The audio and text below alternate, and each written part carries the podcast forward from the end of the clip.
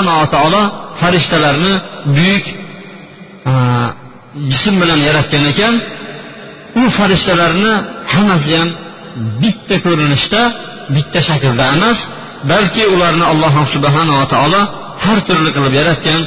Ba'zilarida ikki qanot bo'lsa ba'zilarida uchta ba'zilarini to'rt qanotli qilib alloh subhanava taolo yaratgan. bu haqida alloh taolo bizlarga fotir surasini avvalgi oyatlarida xabar berib aytadiki الحمد لله فاطر السماوات والأرض جاعل الملائكة رسلا أولي أجنحة مثنى وثلاث ورباع ويزيد في الخلق ما يشاء إن الله على كل شيء قدير deydi avvalgi oyatlarida osmonu yerni ilk yaratgan hamda farishtalardan ikki uch to'rt qanotli qilib elchilarni jo'natgan allohga hamdu sanolar bo'lsin alloh taolo xohlasa bundanda ziyoda qilib yaratadi ya'ni ikkita uchta to'rttadanda ko'proq qanotli qilib farishtalarni yaratadi. Alloh taolo har bir ishga qodir zotdir deydi. Demak bu hadislar bu oyatlar bizlarga nimani xabar beradi? Farishtalarni qanotlari har xil va ularni yaralish xilqatlari har xilligi haqida xabar berib aytadi. Payg'ambar alayhissalom mana aytib o'tdik jabroil alayhissalomni olti yuzta qanot bilan nima qildi? Ko'rgan ekan. Farishtalar haqiqatda nihoyatda bir chiroyli ollohni xalqlari hisoblanadi. Hattoki bizlarda zarbul masalan bor. Sochlari to'zib ketgan odam kelib qoladigan bo'lsa nima deymiz? Biz shaytonga o'xshamasin bundoq odamga o'xshab yursanchi deymiz. Ya'ni bizni xalqimizda xunuk odam shaytonga tamsil qilinadi. Bir odamni ko'rdingiz oppoq kiyim olgan. Yuzlaridan nur yog'ib turgan bo'lsa mashaalloh mana farishtaga o'xshagan ekan deb qo'yamiz. Hattoki bu farishta yusuf alayhissalom davridagi iymonsiz qavmlarni ichida ham ular farishtaga iymon keltirgan ekan. Yusuf alayhissalom alloh subhanava taolo eng go'zal qilib yaratgan o'zini bandalari hisoblanadi. Yer yuzidagi hamma odamlarni olib keladigan bo'lsak to'qson to'qqiz chiroyni alloh taolo yusuf alayhissalomga berib turib qolgan bittasini boshqa o'zini xalqlariga bo'lib bergan ekan. Rosayam chiroyli bo'lgan. Hattoki u kishi qul bo'lgan paytlarida hojasi yusuf alayhissalomni o'zi bilan birga yotishlikka chaqiradi. Shunchalik chiroyli bo'lganda o'zi jur'at qila biladi. Buni boshqa ayollar ham malomat qilib gapiradiki bu yusufni deydi o'zini hojasi chaqiribdi. Bu nima degan gapdir? Bizni tilimiz aytganda tuzukroq yigit topmadimi degan gapni qilishadi. Shunda bu ayol butun bari katta katta boylarni ayollarni chaqirib turib bir mehmonxona uyushtirib taom tortib turib va bir paytini poylaydiki bir taom olib keladiki u taomni pichoq bilan kesadigan bo'ladi. Pichoq bilan kesayotgan paytda yusuf alayhissalomga chiq deydi. Bizni tilimizda aytgan paytda kafeda o'tirishgan edi shunda yusuf alayhissalom chiqib qolgan paytlarida yusuf alayhissalom ko'radiyu qo'llarini alloh taolo aytadiki mayda mayda qilib to'rab tashlashdi. Biroq sezishmadi. Yusuf alayhissalomni chiroyi ularni o'ziga shunday oldiki mayda mayda qilib tashladiki va akbarnahu. Uni ko'rgan paytda ayollar uzrli holat bo'ladiyu erlari bilan turgan paytlarida shu holatni o'zlarida paydo qilishdi. Akbarnahu ya'ni uzrli holatga tushib qoldi keyin qo'llarini maydalab tashlashdi. Bu bashar emas. Illa hada in hada illa malakul karim. Bu farishtani o'ziginasi dedi. Bu odam emas bu farishta deyishyapti ular namoz o'qishmas edi. Ular ibodat qilishmas edi. Biroq farishtalarni borlig'i payg'ambarlardan kelayotgan bir nimada deb e'tiqodiki bu odam emas farishta deyishyapti. Hozirgi paytda farishtalarni borlig'ini bilmaydigan odamlar ham bor. Iymon keltirish bu yoqda tursin lekin u ayollar farishtaga iymon keltirgan ayollar ekan. Bu farishtadan o'zga narsa emas deyapti. Bizlarda ham tartib bilan hamma joyda qiladigan nima deydi? Farishtayu farishta deb qo'yadi. Farishta judayam tartiblik va chiroyliligini mana hammamiz bilamiz. Alloh taolo jabroil alayhissalomni mirratin dedi. Ya'ni ko'rinishi nihoyatda chiroyli bo'lgan farishta deb turib alloh taolo bu farishtalarni maqtagan ekan. Farishtalar bilan odamlarni o'rtasida o'xshashlik bormi degan savol tug'iladi. Bu haqida payg'ambar alayhissalom aytdiki payg'ambarlar manga ko'rsatildi. Iso alayhissalom ko'rdim. Xuddi urvat ibn masud as roziyallohu anhuga o'xshar ekan toif shahridan chiqqan bir kishi bor edi. Qabila boshlig'i xuddi shunga o'xshar ekan dedi. Va birodarim ibrohim alayhissalomdan ko'rdim dedi. U dedi man ko'rgan kishilarni ichida kaminaga o'xshar ekan dedi. Ya'ni manga o'xshar ekan dedi jabroil alayhissalom ko'rdim. U kishi man ko'rgan kishilarni ichida dehyatil dehya ibn al xalifatil kalbiy degan kishiga o'xshar ekan dedi. Payg'ambar alayhissalomni oldiga jabroil alayhissalom har xil suratda kelardi. Qo'ng'iroq chalgan ovoz bilan kelardi. Odam suratida kirib kelardi. Shu odam suratida kirib kelgan paytda ko'proq dehyatil kalbiyni suratida kirib kelar ekan dehyatil kalbiy sahobalarni ichida eng chiroylisi bo'lgan ekan. Jabroil alayhissalom ko'rsam shu dehyatil kalbiyga o'xshar ekan dedi. Savol tug'iladiki o'zini shakli alloh taolo yaratgan shakli shunga o'xshaydimi? Yoki bo'lmasa shakllangan paytda inson suratiga kirgan paytdagisigami deydigan bo'lsa ko'proq olimlar inson suratidagi kirgan shakliga o'xshaydi. Ammo o'zini surati esa payg'ambar alayhissalom ko'rgandek olti yuzta qanoti bor edi.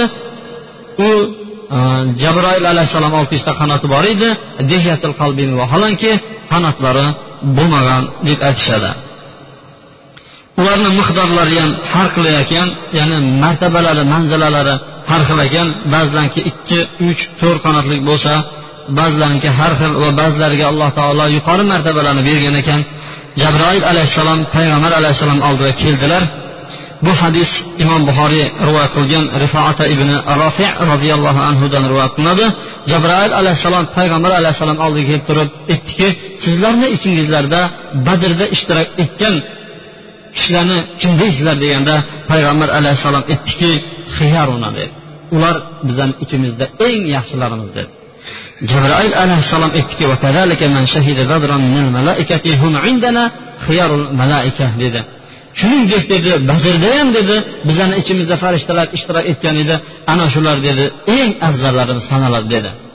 Ma'lumki hammamizga jabroil e, badr jangida alloh taolo uch ming farishtani mo'minlarga nusrat bo'lsin yordam bo'lsin deb tushirgan ana shu uch ming farishta boshqa farishtalarni ichida eng afzallari sanalar ekan.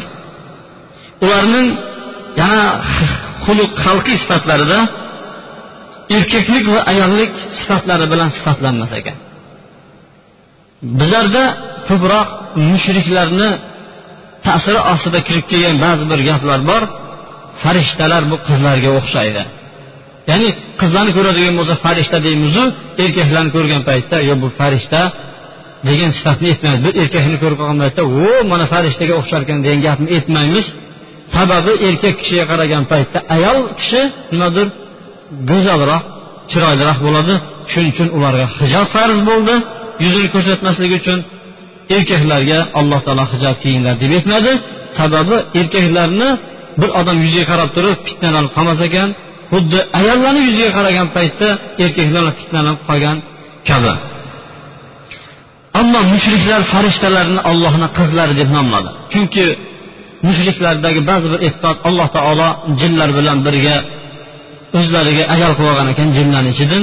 Keyin jimo qilgandan keyin undan tug'ilgan farishtalar tug'ilgan deyishadi. Mushriklarni ichida alloh taolo ular aytayotgan sifatlardan behojat zotdir chunki alloh taolo bunaqa narsalarga muhtoj emas farzandga ham ayolga ham muhtoj bo'lmagan balki uni mushriklar davo qilishgan ekanki farishtalar bular ollohni qizlari deb turib e'tiqod qilishgan ekan. Qur'oni karim bular bilan judayam ko'p munoqasha tortishuvlarda bo'lgan alloh taolo qur'oni karimda فاستفتهم ألربك البنات ولهم البنون أم خلقنا الملائكة إناثا وهم شاهدون ألا إنهم من إفكهم ليقولون ولد الله وإنهم لكاذبون اصطفى البنات على البنين ما لكم كيف تحكمون أفلا تذكرون أم لكم سلطان مبين deydi saffa suralarida aytadiki ulardan so'rab ko'ringchi deydi ollohni qizlari boru qizlar ollohnikiyu o'g'illar uranikimi ya'ni mushriklar aytar ekanda qizlar ollohniki ya'ni bu farishtalar ollohniki ular uchun o'g'illar bizaniki bo'ladi. Alloh taolo malaikalarni qiz qilib yaratdilar ularni nimadir ayol qilib yaratdimikin ular ko'rdimikin ayol u farishtalarni qiz qilib yaralganligini ey ogoh bo'linglar bu ularni bo'xtonlaridan kelib chiqayotgan narsadir. Olloh farzand ko'rdi deb aytadi. Ular yolg'onchidir haqiqatda. Alloh taolo endi o'g'ilni ustiga qizlarni tanlab oladimi deydi. Boshqa oyatda aytadiki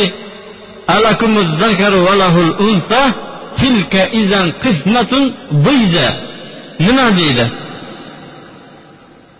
O'g'illar sizlar kelganda qizlar ollohniki bo'ladimi? Bu adolatsiz taqsimotku deydi. Bashar insoniyat ayolga qaraganda tug'ilgan paytda o'g'il bolalarni yaxshi ko'radi. Alloh taolo aytadiki ularni bittasiga qiz farzandi tug'ilganligi bashara qilinadigan bo'lsa basharalari tirishib nima endi menga qiz bo'ldimi? deb turib basharalari burishib ketadi deydi. Hattoki qavmlardan o'zini qavmlaridan bekirib ya'ni qiz tug'ilib bittasi so'yincha olib qo'ymasin deb turib bekinib yuradi deydi. Qiz tug'ilgan paytda o'zlari basharasi bukilib ketyapti endi shu bukiladigan qizni allohga beradimi ular deydi. Bu adolatsizlik deydi. O'zi aslida ollohga nimadir bu ayollar ollohniki erkaklar ollohniki degan ana shu faqatgina alloh subhanava taolo ularga raddiya sifatida mana shunday aytyapti. Demak xulosamiz farishtalar nimadir? Ular ayol va erkaklik sifatlari bilan sifatlanadigan maxluqotlar emas ekan.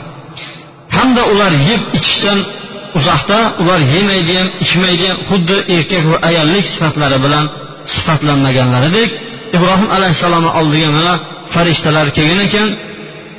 Farishtalar kelgan paytda ibrohim alayhissalom ularni mehmon qilgan. Bu haqida mana zariyat surasida xabar beradiki hal ataka hadisu ibrohim al mukramin muhammad alayhissalom sizga ibrohim alayhissalomni hurmatli mehmonlarini voqeasi yetib kelmadimi? debdi.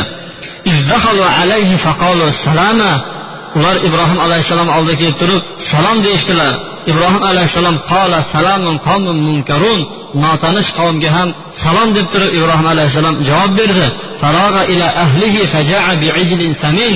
Keyin sal chiqib ketdidagin uylaridan tashqariga chiqib turib bitta semizgina bir yagona bir buzog'i bor edi shu buzog'ini ham so'yib olib keldi ibrohim alayhissalom alloh taolo halil deb nomlagan edi.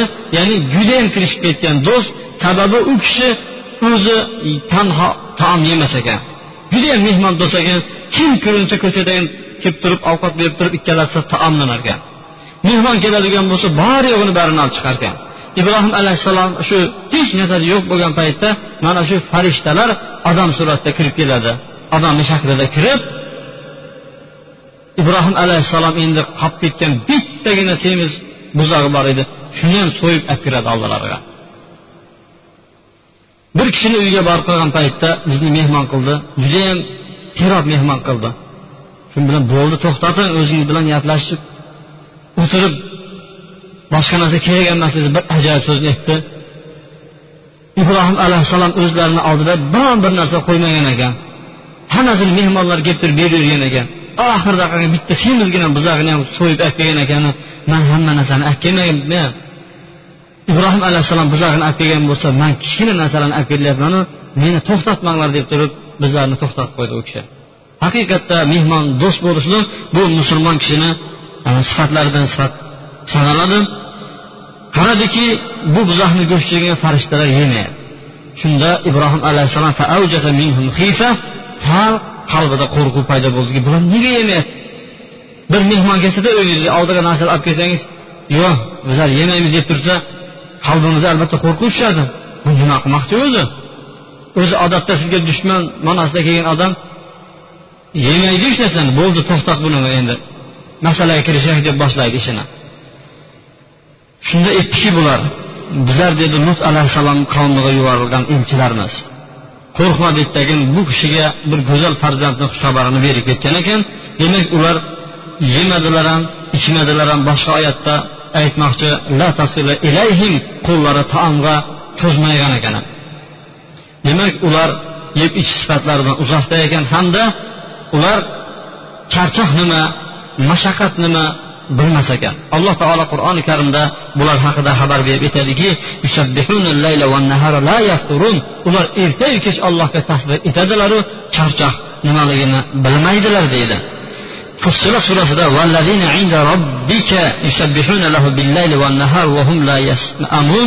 robbingizni huzurida mudom ertayu kech tasbih etadigan farishtalar bor.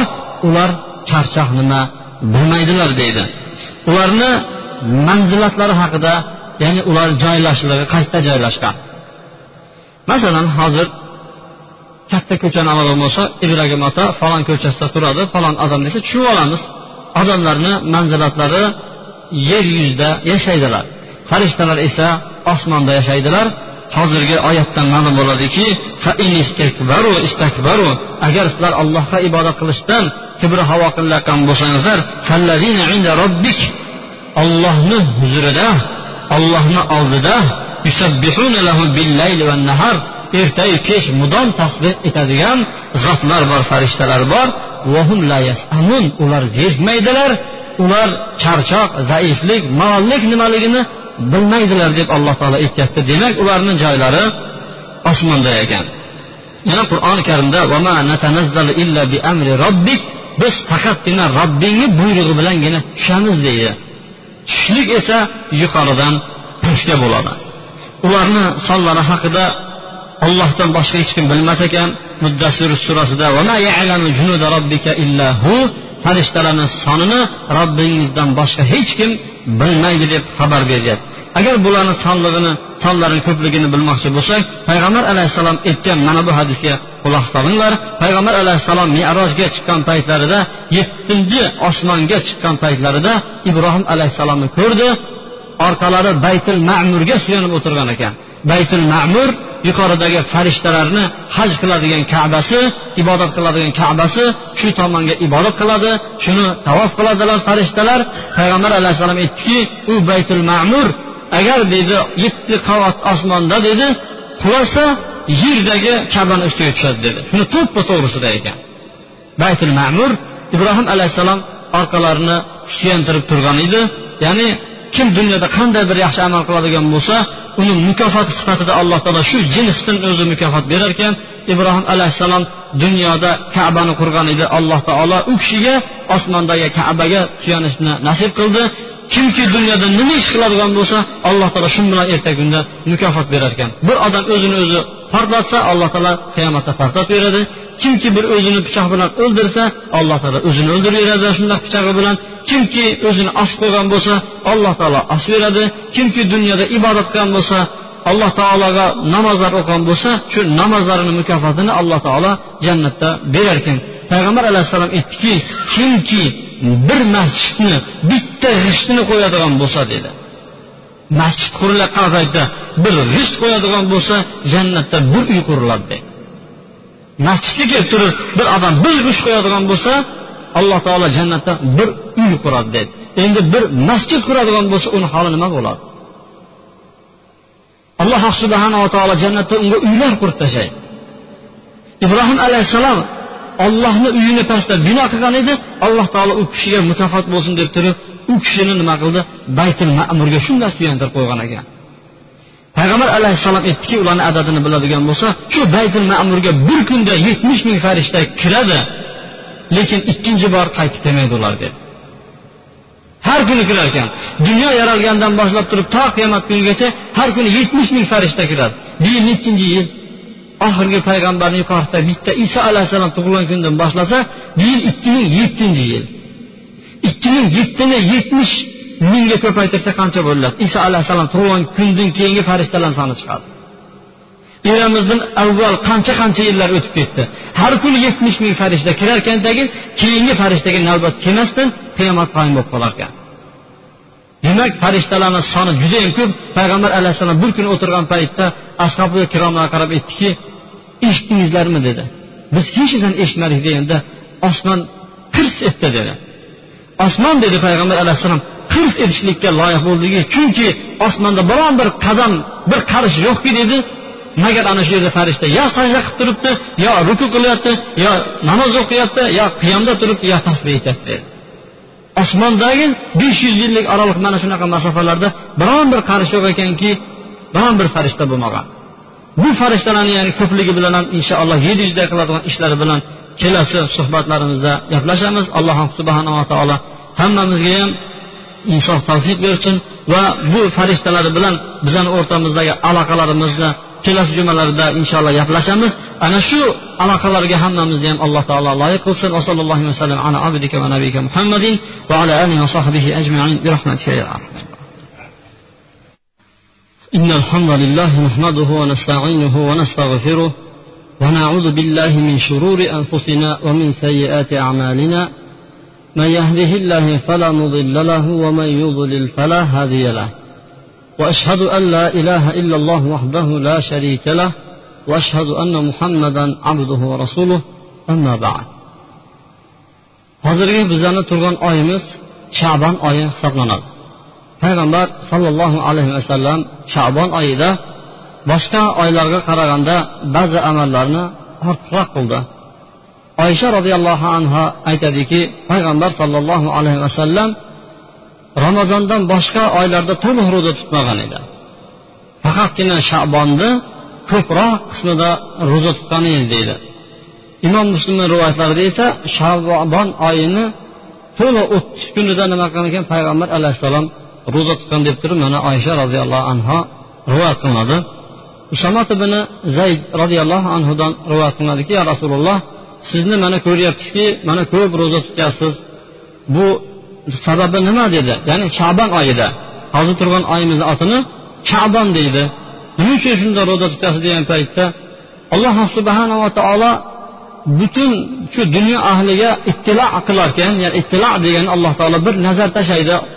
Man mana shu oyda dedi alloh taolo bir qator allohni oldida o'tayotgan paytda amallarimiz man ro'zador bo'lib turishni yaxshi ko'raman deydi. Oysha roziyallohu anhu mana rivoyat qilgan hadisda payg'ambar alayhissalom shunday ro'za tutardiki shu endi tutmasa endi nimadir og'zini ochmasa kerak? deb o'ylardi deydi har kun tutar ekan bir tashlab ketardiki payg'ambar alayhissalom endi hech qachon ro'za tutmasa kerak desak yana nima qiladi? Ro'za tutib ketardi. Deyishdagan keyin yuqoridagi hadisni rivoyat qilgan ekanki payg'ambar alayhissalom shabon oyini ko'proq qismida ro'za tutgan deydi. Shabon oyini mana ulamolar aytadiki qorilarni oyi deydi. Ya'ni mana ramazon oyida qorilar xatmga o'tadi. Takror qiladigan oyi qorilar shunday tayyorgarlik ko'rardilar deb aytadi. Ammor ibn yasir roziyallohu anhu shabon oyi kirishi bilan nima qilar ekan qur'on o'qishlikka kirishib ketar ekan ramazon va shabonni to'liq qur'on o'qirgan. Amir ibn qaysil mullai degan kishi esa do'konini shabon oyi kelishi bilan nima qilar ekan yaparqandagi ramazon oyiga tayyorgarlik ko'rar ekan shabonda ham va ramazonda ham ikkalasida ham to'liq qur'on bilan nima qilar ekan o'tkazar ekan ba'zilar aytadiki nima uchun payg'ambar alayhissalom boshqa oylarga qaraganda shabon oyida ko'proq ro'za tutdi deydigan bo'lsa payg'ambar sollallohu alayhi vasallam xuddi mana sunnat namozlari bor. Sunnat namozlari farzlardan oldidan yo farzlardan keyin o'qiladi. Nima uchun deydigan bo'lsa qiyomat kunida qani bandani farzini tekshiringlarchi derkan. Bo'lmasa shu kamchiliklarini nima qilinglar yopib tashlanglar nafllari bilan derkan. Xuddi biron bir ishga tayyorgarlik ko'rayotgan odam ham shundan oldinroq harakat qiladi. Bitta misol qiladigan bo'lsa bir odam shu musobaqada yugurmoqchi bo'lsa bir ikki uch deb yugurib ketmaydi. Yoki ringda boks tushmoqchi bo'lsa shundoq tushib ketavermaydi. Oldin yahbiyalarini sekratib likillatib yugurib keyin nima qiladi? Davraga tushganga o'xshab turib hamma narsadan oldin tayyorgarlik ko'riladi. Bu ramazon katta ibodat hisoblanadi. Bu ibodatga kirishdan oldin ham inson o'zini bir tayyorgarlik ko'rishi kerak. Namozlar o'qib qur'onlar o'qib ro'zalar tutib chunki payg'ambar alayhissalom ramazondan oldin shabonda ko'proq ro'za tutdi. Hamda ramazon tugashi bilan nimadi shavvolni oyini olti kunini ham ro'zasini tutib qo'yardi. Mana shuning uchun deb aytadi. Ba'zilar aytadiki payg'ambar alayhissalomni ayollari ayollari bilan birga nima qiladi? Qazolari bo'lardi. Payg'ambar alayhissalom bilan birga ayollari ro'za tutarkanda qazolari o'tib ketarkan. Shu ramazonga yaqin qolgan paytda endi ramazon kirib ketmasin deb turib payg'ambar alayhissalom bilan birga nima qilardi? Payg'ambar alayhissalom ularni qazosi bilan birgalikda shular bir o'zi bo'lmasin deb turib ro'za tutardi deyishadi. Ba'zi ulamo aytadiki payg'ambar alayhissalom ko'p safarlarda bo'lib turib oydagi har oyda uch kun tutadigan ro'zalarni dushanba payshanba kuni tutadigan ro'zalarni tutolmaganligi uchun endi payg'ambar alayhissalom o'ziga sunnat qilib olgan narsani umuman qo'ymas edi. U kishiga vojib bo'lib qolgandag edi tark qilmas edi. Shabon oyida shu ramazondan oldin to'ldirib qo'yardi degan mana shu so'zlarni aytadi. Ammo shabon oyida bizni xalqimizni ichida ba'zi kitoblarimizda shunday bir ibodatlarni yozganki qur'on va sunnatda bunga biron bir dalil kelgan emas.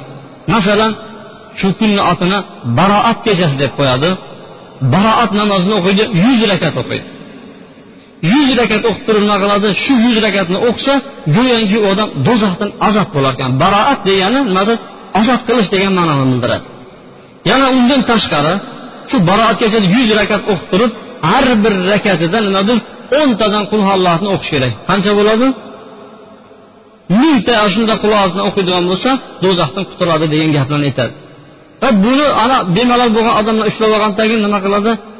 Shu kunda o'qiydi. O'zi namoz o'qishmaydi. Kelib kelib shu kuni nima qiladi? Yuz rakat o'qish oladi. Bu yerlarda albatta uncha rivojlanmagan. Mana islom rivojlangan mamlakatlar shular tarqalib boryapti. Buni imom mahdisiy aytadiki birinchi bo'lib turib bizda bu paydo bo'lgan edi. Baytul mahdisda deydi. Ya'ni masjidil aqsa hozirgi kundagi falastin diyorlarida nablis degan shahardan bir qori keladi. Ovozi nihoyatda chiroyli ekan. Shu e, ramazonni o'tkazaman deb kelardi. Oldiroqdan shu kundalari ham namoz o'qirdi. Shabon oyida kechqurun namoz o'qiganda bitta odam qo'shildi ikkita uchta to'rtta katta bir jamoat qo'shilib ketdi. Keyin har yili shu yuz rakat o'qiladigan bo'lib ketdi. Shu kishi paydo qilgan edi bu bidatni deydi shabonni mana o'n beshinchi kuni baroat kechasi deb nomlanadi. Unda biron bir ibodat qilinmaydi. Ammo u haqida hadislar kelgan sahih ba'zilari hasan ba'zilari to'qima deydi. Ammo ularni o'rtachasini olib hasan deydigan bo'lsak bu kishi shu kecha bir ibodat qiladigan bo'lsa bir odam joiz lekin ibodatlarini o'lchab tuzamas kerak. Olti rakat o'qiladi ikki rakati o'zi umr uzoq umr berilar ekan o'qisa. Yana olti rakatda kelayotgan balolarni ikki rakati shuni ichidagi balolarni daf qiladi. Yana ikki rakati allohdan nima so'raydigan bo'lsa beriladi deb o'qiladi. Bunga o'xshagan ibodatlarni o'lchab tuzolmaslik kerak. Bir odam shu kecha o'lchab ibodat qiladigan bo'lsa bir kun sanamasdan boshqa qilmasdan ba'zi olimlar ruxsat bergan ekan. Ammo shu kunni ham ko'proq olimlar boshqa kunlardek o'tkazish kerak. Bu kunni boshqa kunlardan afzalli kuni yo'q. Faqatgina shabon oyi ko'proq ro'za tutilar ekan. Ammo bir odam umuman ro'za tutmay yurgan bo'lsa shabonni o'n besh kunidan nariyoqqa qarab turib ro'za tutishni payg'ambar alayhissalom qaytargan ekan barakallohu li va